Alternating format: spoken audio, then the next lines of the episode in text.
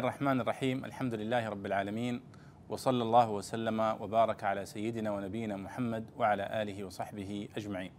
حياكم الله أيها الإخوة الكرام والاخوات الكريمات في هذا الدرس من دروس التعليق على تفسير الإمام عبد الله بن عمر البيضاوي الشافعي رحمه الله تعالى.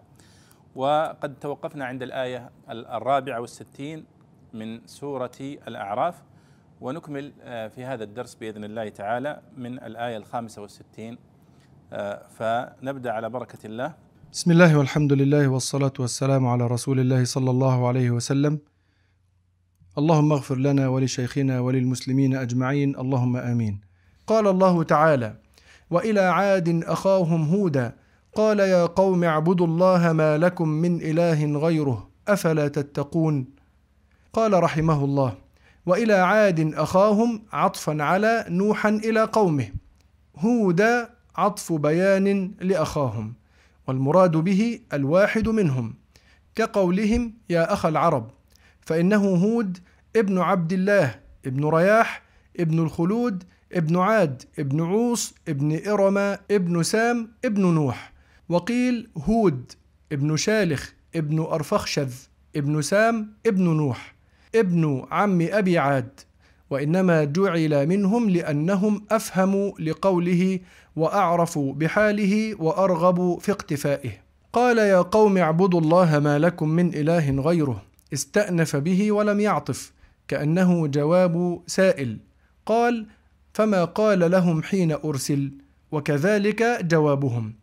أفلا تتقون؟ عذاب الله تعالى. وكأن قومه كانوا أقرب في الشرف من قوم نوح عليه الصلاة والسلام. ولذلك قال قال الله تعالى قال الملأ الذين كفروا من قومه إنا لنراك في سفاهة وإنا لنظنك من الكاذبين. قال رحمه الله قال الملأ الذين كفروا من قومه إذ كان من أشرافهم من آمن به كمرثد بن سعد. إنا لنراك في سفاهة متمكنا في خفة عقل راسخا فيها حيث فارقت دين قومك وإنا لنظنك من الكاذبين. يقول الله سبحانه وتعالى وإلى عاد أخاهم هودا قال يا قوم اعبدوا الله ما لكم من إله غيره أفلا تتقون. بعد أن ذكر قصة نوح عليه الصلاة والسلام وفصل فيها في هذه السورة العظيمة انتقل إلى ذكر قصة هود عليه الصلاة والسلام مع قومه عاد. فيقول البيضاوي هنا وإلى عاد أخاهم هودا. قال البيضاوي عطفا على نوح إلى قومه. يعني أن الله سبحانه وتعالى قال ولقد أرسلنا نوحا إلى قومه. ثم قال في الآية التي بعدها وإلى عاد أخاهم هودا. يعني وأرسلنا إلى عاد أخاهم هودا. و آه، قوله هنا آه، أخاهم قال البيضاوي هنا إن قوله هنا وإلى عاد أخاهم هودا هو عطف بيان. يعني كلمة هودا هنا هي عطف بيان على أخاهم. وإلى عاد أخاهم فقال قائل من هو؟ قال هود. فاذا يكون إعرابه عطف بيان. والمراد به الواحد منهم كقولهم يا أخ العرب. فاذا آه، قوله أخاهم هودا ووردت في قصص كثير من الأنبياء أخاهم أخاهم أخاهم أي أنه واحد منهم. كقولهم يا أخ العرب فإنه هود عليه الصلاة والسلام يقول البيضاوي فإنه هود ابن عبد الله ابن رياح ابن الخلود ابن عاد ابن عوص ابن إرم ابن سام ابن نوح. فإذا تلاحظون يعني طبقات النسب بينه وبين نوح عليه الصلاة والسلام. وقيل أنه هود ابن شالخ ابن أرفخشذ ابن سام ابن نوح فيكون آه، يعني ابن عم أبي عاد هود عليه الصلاة والسلام. وإنما جعل منهم لأنه أفهم لقوله وأعرف بحاله وأرغب في اقتفائه. وهذا طبعا آه، سنة الله سبحانه وتعالى في إرسال الأنبياء أنه لا يرسل نبيا إلا بلسان قومه ومن نفس قومه حتى يكون أعرف بحالهم. كما قال البيضاوي هنا قال وإنما جعل منهم النبي يجعل من قومه. لماذا؟ قال لأنه أفهم لقوله. فلغة اللغة مشتركة. وأعرف بحاله لأنهم يعرفونه نشأ بينهم. ولذلك النبي صلى الله عليه وسلم لما بعث بعث من قومه من قريش. فلما يعني هم خبروه وعرفوه فهم أدرى الناس بصدقه وبأمانته وبأخلاقه. وكذلك كل الأنبياء عليهم الصلاة والسلام. آه قال وأرغب في اقتفائه. يعني لاحظوا التعليل. اللغة مشتركة النسب والأخلاق والتقاليد والعادات مشتركة وأيضا دائما آه يعني يرغب القوم بأن يتبعوا واحدا منهم. لأن العصبية القبلية أيضا لها دور في ذلك فهي تدفع إلى يعني اتباع الأنبياء الذين من أقوامهم. ثم قال البيضاوي هنا قال يا قوم اعبدوا الله ما لكم من إله غيره. قال استأنف به ولم يعطف. كأنه جواب سائل قال فما قال لهم حين أرسل؟ وكذلك جوابهم. فإذا ماذا يقصد البيضاوي؟ يقصد أن قوله قال يا قوم اعبدوا الله ما لكم من إله غيره هي جملة استئنافية وليست جملة معطوفة على ما قبله. والجملة الاستئنافية أيها الإخوة والأخوات هي مصطلح آه، إعرابي مصطلح نحوي. والمقصود بها الجملة المنقطعة من حيث الإعراب عما قبلها. فهي ليست مرتبطة بالجملة السابقة ارتباطا إعرابيا وإنما مرتبطة ارتباطا معنويا لأنها جزء من النص وجزء من الكلام. فيعني لاحظوا مصطلح البيضاوي هنا استأنف به ولم يعطف. استأنف هو إشارة إلى الجملة الاستئنافية.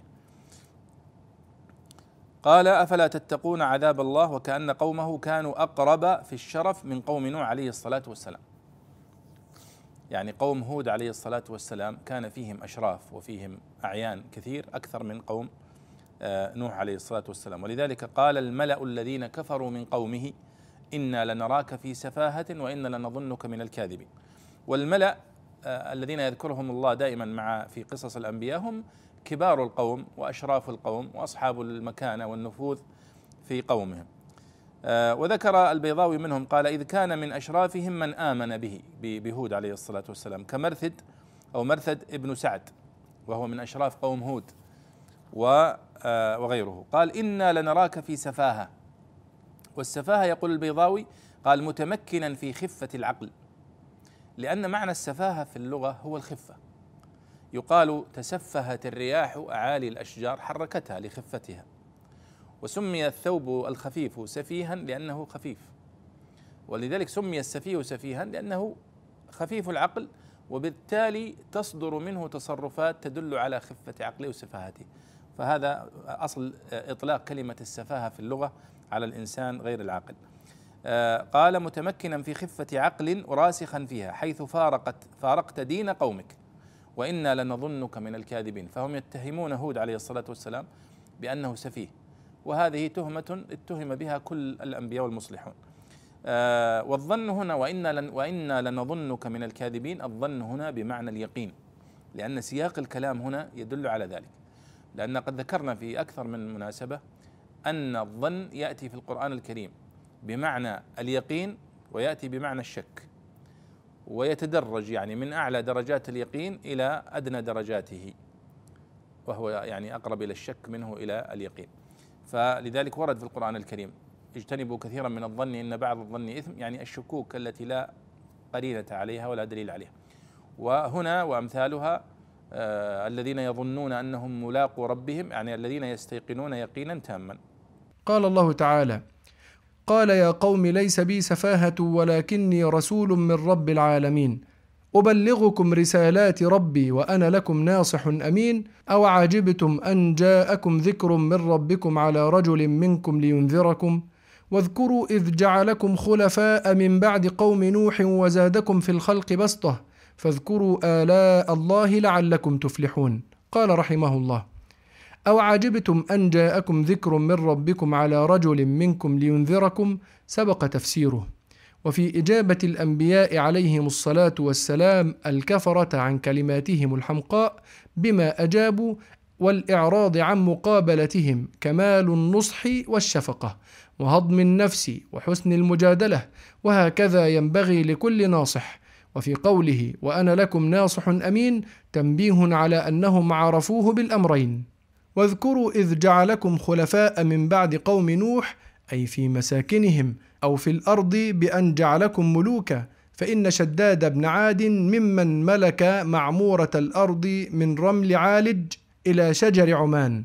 خوفهم من عقاب الله تعالى ثم ذكرهم بإنعامه. وزادكم في الخلق بسطة قامة وقوة وهو تعميم بعد تخصيص. فاذكروا آلاء الله لعلكم تفلحون لكي يفضي بكم ذكر النعم إلى شكرها المؤدي إلى الفلاح. فهود عليه الصلاة والسلام دافع عن نفسه هنا قال يا قومي ليس بي سفاهة ولكني رسول من رب العالمين. يعني بكل أدب هود عليه الصلاة والسلام لم يغضب لنفسه ولم يزد في جوابهم عن قوله ليس بي سفاهة. بس قال يا قومي ليس بي سفاهة ولكني رسول من رب العالمين. أبلغكم رسالات ربي وأنا لكم ناصح أمين. وهنا لاحظوا رسالات ربي جمع رسالة وهي رسالة واحدة لكن لأن رسالة النبي مشتملة على عدد من الأوامر والنواهي فسميت يعني جمعت هنا كأنها أكثر من رسالة. ثم هنا في قوله أو عجبتم أن جاءكم ذكر من ربكم على رجل منكم لينذركم؟ قال سبق تفسيره. البيضاوي وهذا المنهج موجود عند المفسرين أيها الإخوة والأخوات كثيرا سواء في الكتب المطولة أو في الكتب المختصرة زي البيضاوي هنا فقوله سبق تفسيره هنا هذا تنبيه من البيضاوي وإلا في الغالب أنه ما يفسره ولا ولا يشير إلى أنه سبق تفسيره. هذا قد مر معنا في قصة سابقة في قصة آه، نوح عليه الصلاة والسلام. قال وفي إجابة الأنبياء عليهم الصلاة والسلام الكفرة عن كلماتهم الحمقاء بما أجابوا والإعراض عن مقابلتهم. يعني الأنبياء ما كانوا يعني كما أساء إليهم أقوامهم وشتموهم وأهانوهم بمثل هذه العبارات أنهم يردوا بالمثل. لا وإنما اكتفوا بالحد الأدنى من الرد وقالوا ليس ليس بي سفاهة ولكنني رسول من رب العالمين. وطبعا أوعجبتم أن جاءكم ذكر من ربكم على رجل منكم لينذركم. هذا استفهام استنكاري من هود عليه الصلاة والسلام على قومه. كيف تستغربون أن أن يرسل إليكم نبي من قومكم؟ وهذه عادة الله في إرسال الرسل. آه، قال كمال النصح والشفقة وهضم النفس وحسن المجادلة. وهكذا ينبغي لكل ناصح. أنه ينبغي لكل ناصح ولكل داعية ولكل ماض على خطى هؤلاء الأنبياء عليهم الصلاة والسلام أن يكون ناصحا صادقا آه، مشفقا آه، يهضم حق نفسه. لأن الأنبياء عليهم الصلاة والسلام لو انتصروا لأنفسهم لما نجحوا في دعوتهم. وكذلك أتباعهم كل داعية من ينتصر لنفسه غالبا لا ينجح في دعوته. حتى لو كنت تأمر بالمعروف وتنهى عن المنكر أقرب الناس إليك أو يعني أقل الناس شأنا في المجتمع ولم تهضم حق نفسك لأنه ربما يخطئ عليك ربما يشتمك ربما يسيء إليك بل هذا أكيد.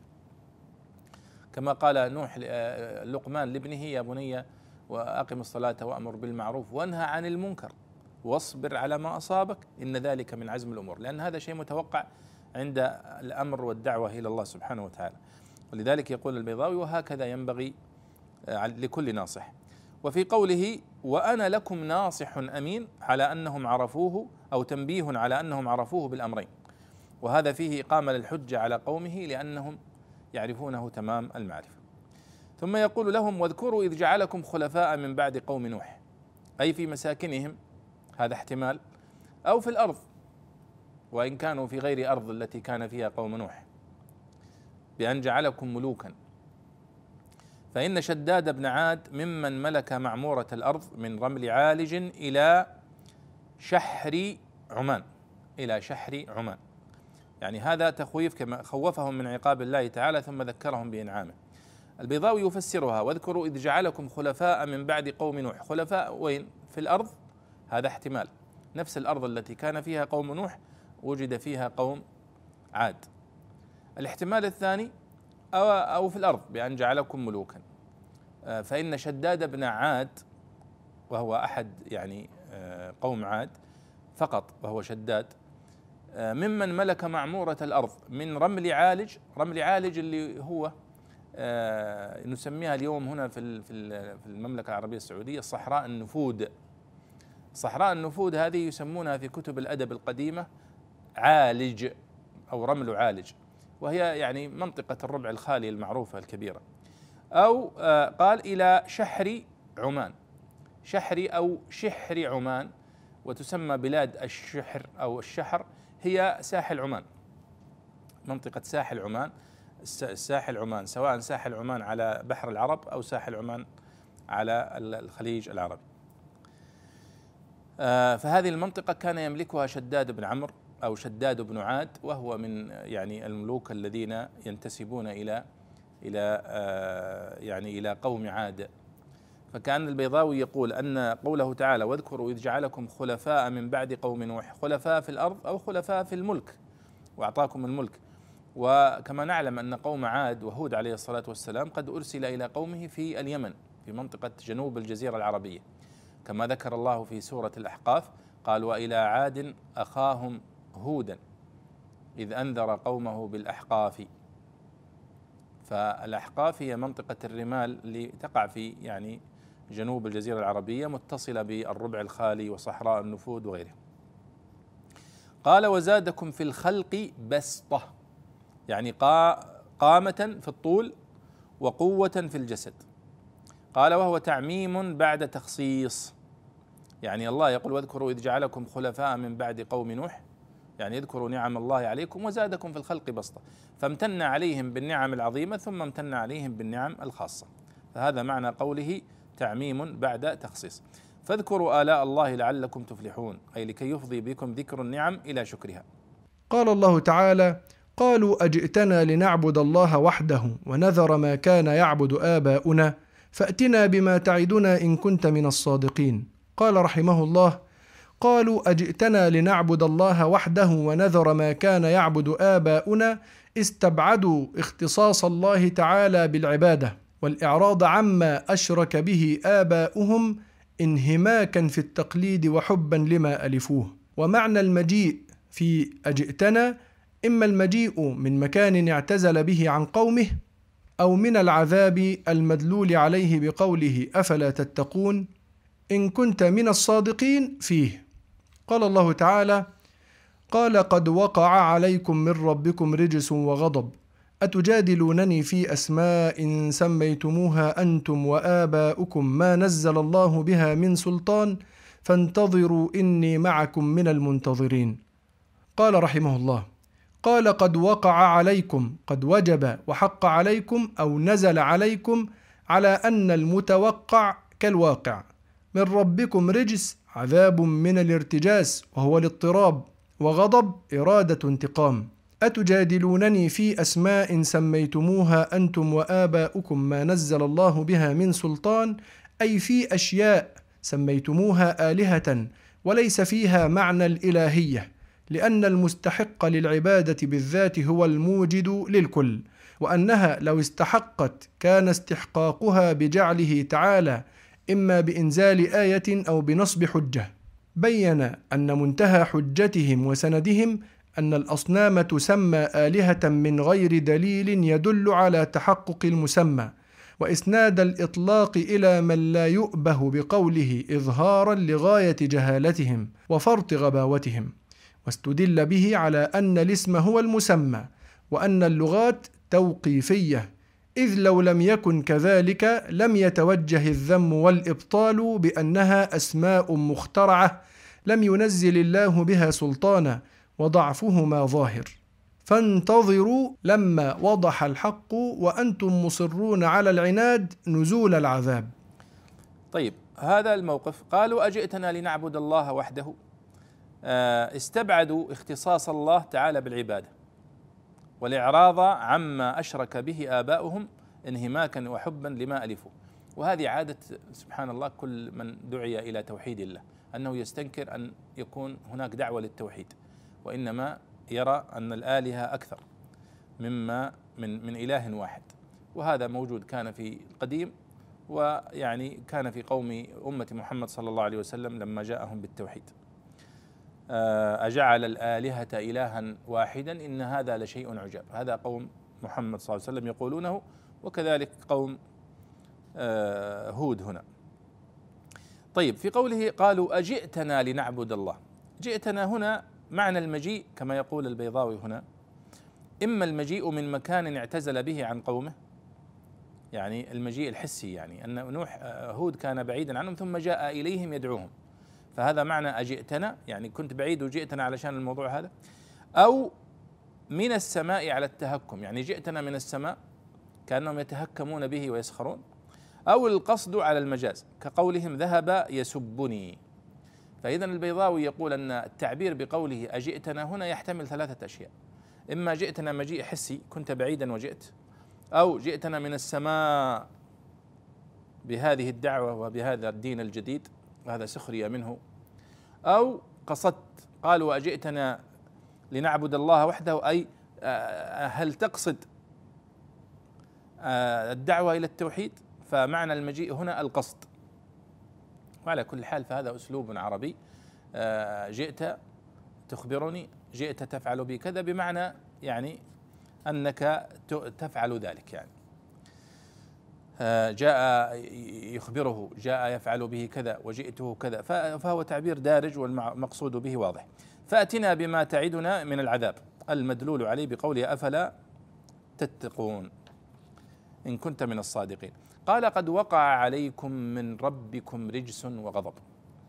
يعني وجب عليكم وحق عليكم أو نزل عليكم على أن المتوقع كالواقع.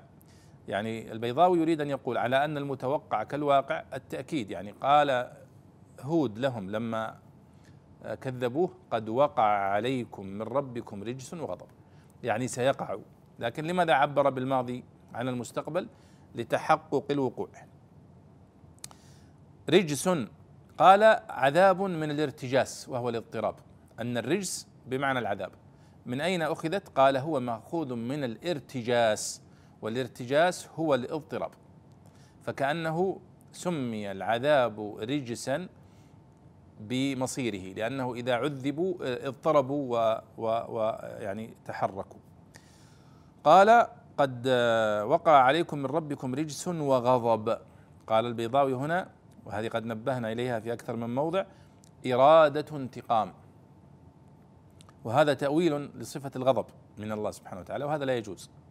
والصواب الصواب أن نقول أن الغضب من الله سبحانه وتعالى هو الغضب. ويعني أثره هو هذا الانتقام والعذاب الذي يهلكهم. لكن نحن نثبت لله أن الله سبحانه وتعالى يغضب سبحانه وتعالى ويرضى. فإنه قد قال غضب الله عليهم وقال رضي الله عنهم ورضوا عنه. فهي صفة من صفاته سبحانه وتعالى نثبتها لنفسه دون تكييف.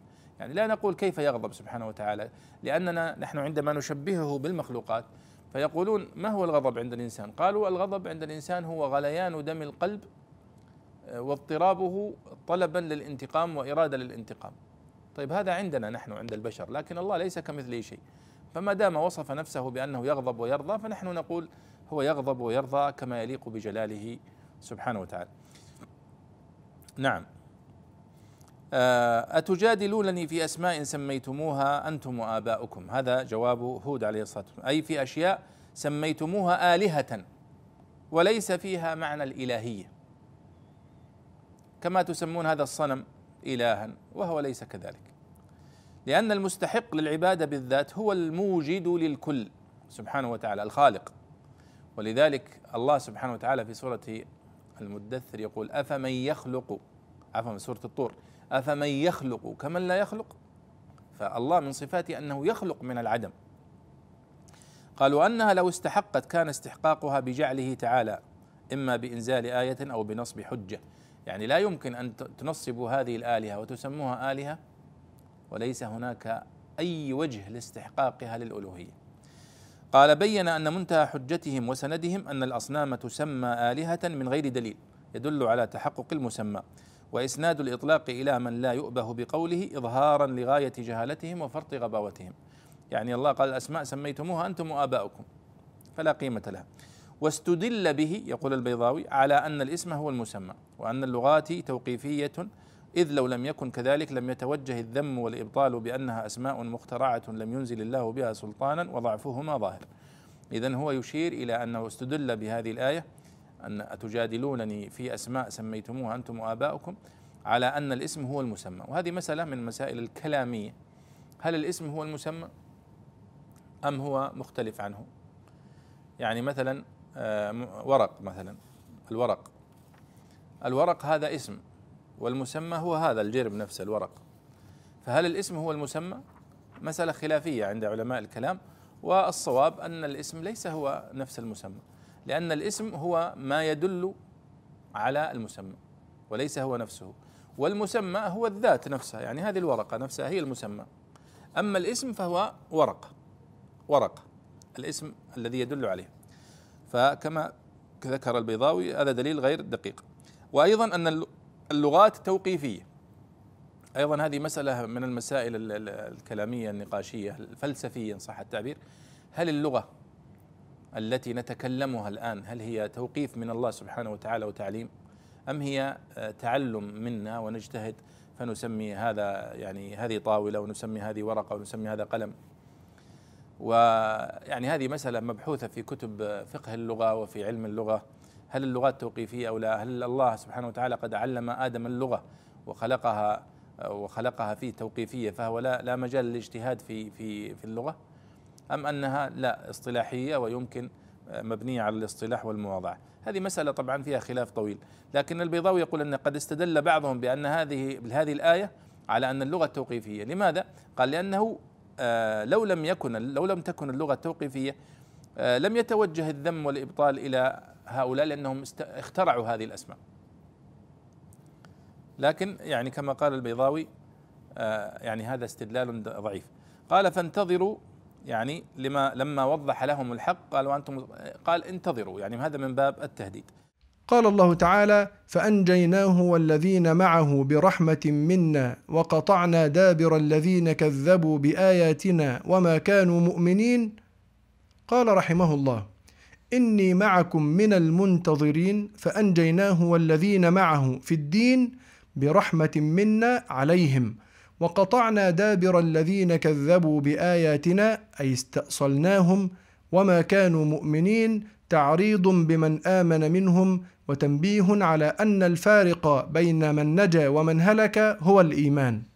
روي أنهم كانوا يعبدون الأصنام فبعث الله تعالى إليهم هودا فكذبوه وازدادوا عتوا فأمسك الله تعالى القطر عنهم ثلاث سنين حتى جهدهم وكان الناس حينئذ مسلمهم ومشركهم إذا نزل بهم بلاء توجهوا إلى البيت الحرام وطلبوا من الله تعالى الفرج فجهزوا إليه قيل ابن عنز ومرثد ابن سعد في سبعين من أعيانهم وكان إذ ذاك بمكة العمالقة أولاد عمليق ابن لاوذ ابن سام وسيدهم معاوية ابن بكر فلما قدموا عليه وهو بظاهر مكة أنزلهم وأكرمهم وكانوا أخواله وأصهاره فلبثوا عنده شهرا يشربون الخمر وتغنيهم الجرادتان قينتان له. فلما رأى ذهولهم باللهو عما بعثوا له أهمه ذلك واستحيا أن يكلمهم فيه مخافة أن يظنوا به ثقل مقامهم. فعلم القينتين ألا يا قيل ويحك قم فهينم لعل الله يسقينا غماما فيسقي أرض عاد إن عادا قد أمسوا ما يبينون الكلام حتى غنتا به فأزعجهم ذلك فقال مرثد والله لا تسقون بدعائكم ولكن إن أطعتم نبيكم وتبتم إلى الله سبحانه وتعالى سقيتم فقالوا لمعاوية احبسه عنا لا يقدمن معنا مكة. فإنه قد اتبع دين هود وترك ديننا. ثم دخلوا مكة فقال القيل اللهم اسق عادا ما كنت تسقيهم. فأنشأ الله تعالى سحابات ثلاثة بيضاء وحمراء وسوداء. ثم ناداه مناد من السماء يا قيل اختر لنفسك ولقومك. فقال اخترت السوداء فإنها أكثرهن ماء. فخرجت على عاد من وادي المغيث فاستبشروا بها وقالوا هذا عارض ممطرنا. فجاءتهم منها ريح عقيم فأهلكتهم ونجا هود والمؤمنون معه فأتوا مكة وعبدوا الله سبحانه وتعالى فيها حتى ماتوا. ثم قال الله سبحانه قال فانتظروا إني معكم من المنتظرين. ثم قال الله فأنجيناه والذين معه برحمة منا. وقطعنا دابر الذين كذبوا بآياتنا وما كانوا مؤمنين. هذا تعريض آه، بهم. يعني إن الله يقول فقطعنا دابر الذين كذبوا بآياتنا استأصلناهم وما كانوا مؤمنين. هذا تعريض بمن آمن منهم. يعني هناك من آمن منهم ونجا ولكن من لم يؤمن قد هلك. طيب وتنبيه على أن الفارق بين من نجا ومن هلك هو الإيمان. من آمن فقد نجا. ثم ذكر البيضاوي قصة طريفة هذه القصة التي ذكرها وهي من الروايات الموجودة في كتب التفسير عن هؤلاء. هذه مثل هذه الروايات مروية متناقلة من الأمم السابقة ويعني يذكرها بعض المفسرين في شرح مثل هذه الآيات. قصة يعني عبادتهم للأصنام وأنهم آه، قد يعني قطع عنهم المطر ثلاث سنوات وكان الناس يعني حينئذ آه، إذا نزل بهم البلاء يتوجهون إلى المسجد الحرام. فطلبوا من الله تعالى الفرج فجهز إليهم كما ذكر في القصة التي ذكرها البيضاوي هنا. وهي موجودة في كتب الأدب أيضا. ألا يا قيل ويحك قم فهينم لعل الله يسقينا غماما. فيسقي أرض عاد إن عادا قد أمسوا ما يبينون الكلام. يعني من شدة القحط الذي أصابه. ثم ذكر يعني آه هذه يعني القصة وذكر أنه قد اختار الغمامة السوداء ويعني أكثر فإنها أكثرهن ماء فخرجت على عاد من وادي المغيث فاستبشروا وقالوا هذا عارض ممطرنا فجاءتهم منها ريح عقيم فأهلكتهم ونجا هود والمؤمنون معه. وهذه قد ذكرها الطبري وذكرها ابن أبي حاتم وأيضا يؤيدها ما يعني في الآيات الأخرى في سورة آه، الأحقاف. آه، واذكر أغا عاد إذا أنذر قومه بالأحقاف وقد خلت النذر من بين يديه ومن خلفه ألا تعبدوا إلا الله. ثم ذكر آه، فلما رأوه عارضا مستقبل أوديتهم يعني سحاب مستعرض كبير وأسود فظنوا أنه الغيث. فقال قال الله بل هو ما استعجلتم به ريح فيها عذاب أليم تدمر كل شيء بأمر ربها فأمس فأصبحوا لا يرى إلا مساكنهم. ولعلنا نكتفي بهذا فيما يتعلق في هذا الدرس ونكمل إن شاء الله في اللقاء القادم بإذن الله آه، قصة آه، صالح عليه الصلاة والسلام مع قومه ثمود وصلى الله وسلم على سيدنا ونبينا محمد وعلى آله وصحبه أجمعين. والسلام عليكم ورحمة الله وبركاته.